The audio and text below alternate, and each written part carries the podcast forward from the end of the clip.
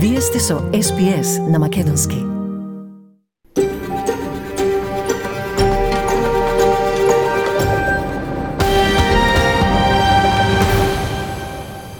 Бугарскиот премиер Кирил Петков на вчерашната средба со еврокомесарот за проширување Оливер Вархеј во Софија ја потврдил неговата желба за изноѓање заемно прифатливо решение за отворените политички прашања со Македонија, имајќи предвид дека станува збор за теми што се чувствителни за Бугарија.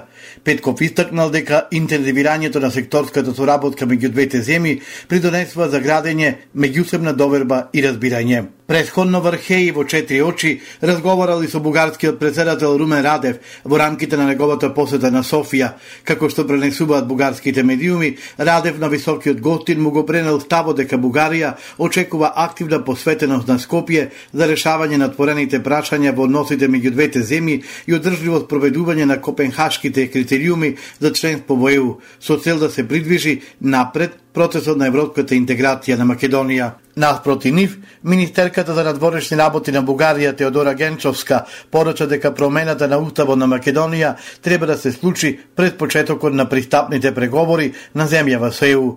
Таа тврди дека тоа е услов запишан во декларацијата на 44-тото Народно собрание. Тоа е условие което е залегнало в декларацијата на Народното Тоа е услов што е дел од декларацијата на Народното собрание и одлуките на консултативниот совет за национална безбедност, така што за нас е услов што треба да го исполнат во оваа фаза пред да почнат преговорите со нив, вели Генчовска во изјава која што ја пренесуваат бугарските медиуми.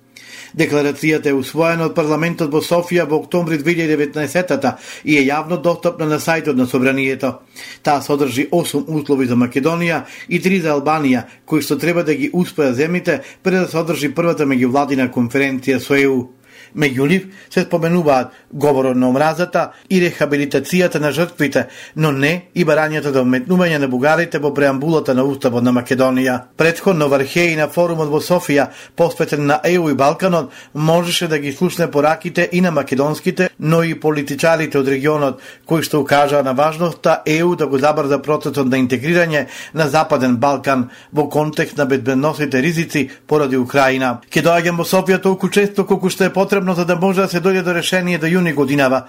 Војната ни покажа дека немаме време за губење. Не само што немаме време, туку немаме интерес да губиме повеќе време, рече Вархеј, кој не го криеше разочарувањето поради тоа што се уште нема решение за почеток на пристапните преговори со Македонија и Албанија. Македонскиот шеф на дипломатијата Бујар Османи од конференцијата ја предупреди Унијата за намалувањето на довербата кај македонските граѓани поради неодржување на својот збор кон земјава, но и недостиг од стратешки пристап од Брисел кон регионот. Дали има стратешки пристап? Дали има стратешко лидерство на ЕУ кон Западен Балкан? Не би можел да кажам во моментов рече Османи. Османи притоа и порача на Унијата дека сега е време таа да преземе стратешко лидерство. Македонскиот премиер Димитар Ковачевски вели дека не може политичката борба во соседна држава, земја членка на ЕУ и популистичко-националистичките реторики да бидат пречка за зачленување на државата, која има четири последователни позитивни извештаи за почнување на првата меѓувладина конференција.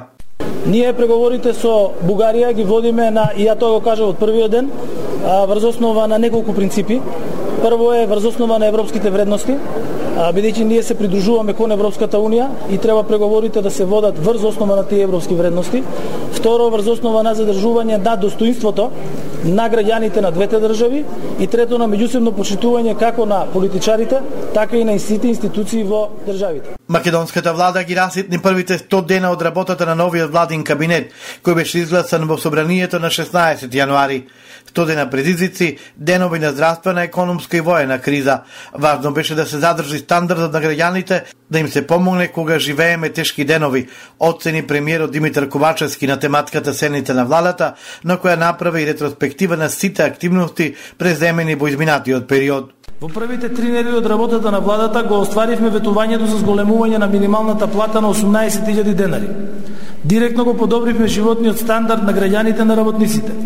Во исклучително кризна година, година на европски и светски кризи, ефикасно и посветено постигнавме решение кое значи поддршка на граѓаните и економскиот раст и развој.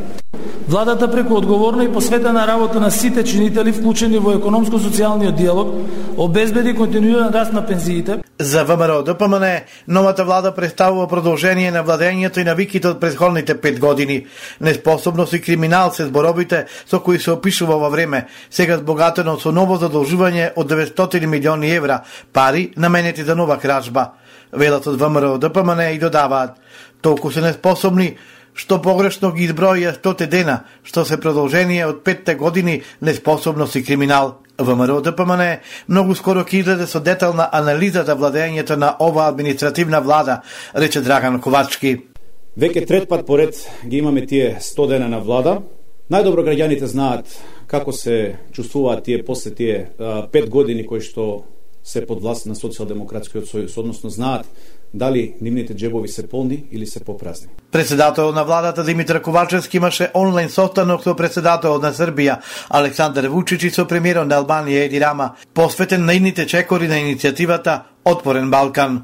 На состанокот тројтата лидери се договориле дека членниот лидерски самит на Отворен Балкан ќе се одржи во првата половина од јуни во Охрид, а на почетокот од септември заеднички ќе се организира голем туристички саем на вино и храна во Србија, на кој македонските, албанските и српските производители на вино и храна ќе имаат можност да ги презентираат нивните производи на гостите од регионот и Европа. На самитот во Охрид ќе бидат подпишани значени договори и меморандуми за соработка во културата, туризмот и економијата. На онлайн состанокот било истакнато дека иницијативата Отпорен Балкан останува отворена за Црнагора, Косово и Босна и Херцеговина. Штрајкот на СОНГ продолжува во основните и средните училишта, а градинките во интерес на прифаќањето на децата се враќаат на нормално работење. Ова е епилогот од тричасовното заседавање на Советот на СОНГ, на кое беа сондирани повеќе предлози од владата, меѓу кои изголемувањето на платите за 12%, од бараните 18,4%. Во изјаснувањето биле вклучени 480 синдикални организации, вели председател на СОНК Јаким Неделко. Со оглед на сундираните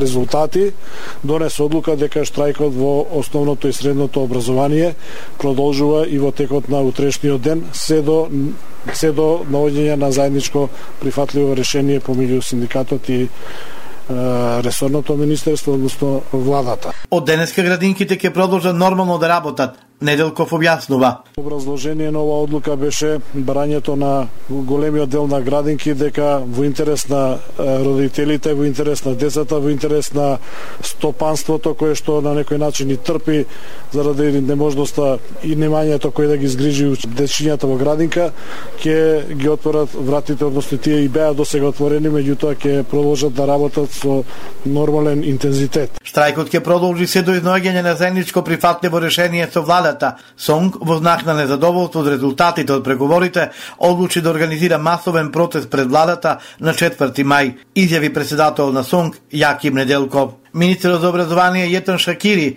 е разочаран од одлуката на Сонг, од денеска училиштата да продолжат со штрајк, а градинките да работат.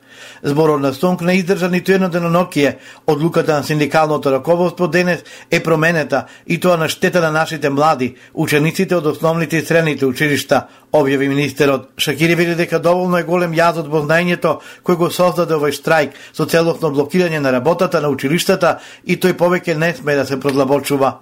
Тој ги повика директорите да ги отворат училиштата и да продолжат со редовно изведување на настава, без разлика на одлуката на раководството на СОНГ, а упати апел и родителите да продолжат да ги носат своите деца во училиште. Шакири и Ковачевски треба да знаат дека правото на протест е со устав загарантирано и тоа е посилно од било кој закон кој погрешно ќе го интерпретира ова неспособна влада. Белот од ВМРО ДПМН и додаваат пари за повисоки плати има, но владата треба да се откаже од своите удобства, зашто ќе одат најавените 900 милиони евра задолжување, дали се подготвува уште еден нов грабеж на грбо на народот, наместо закани, треба да произведат решенија, велат од ВМРО ДПМН.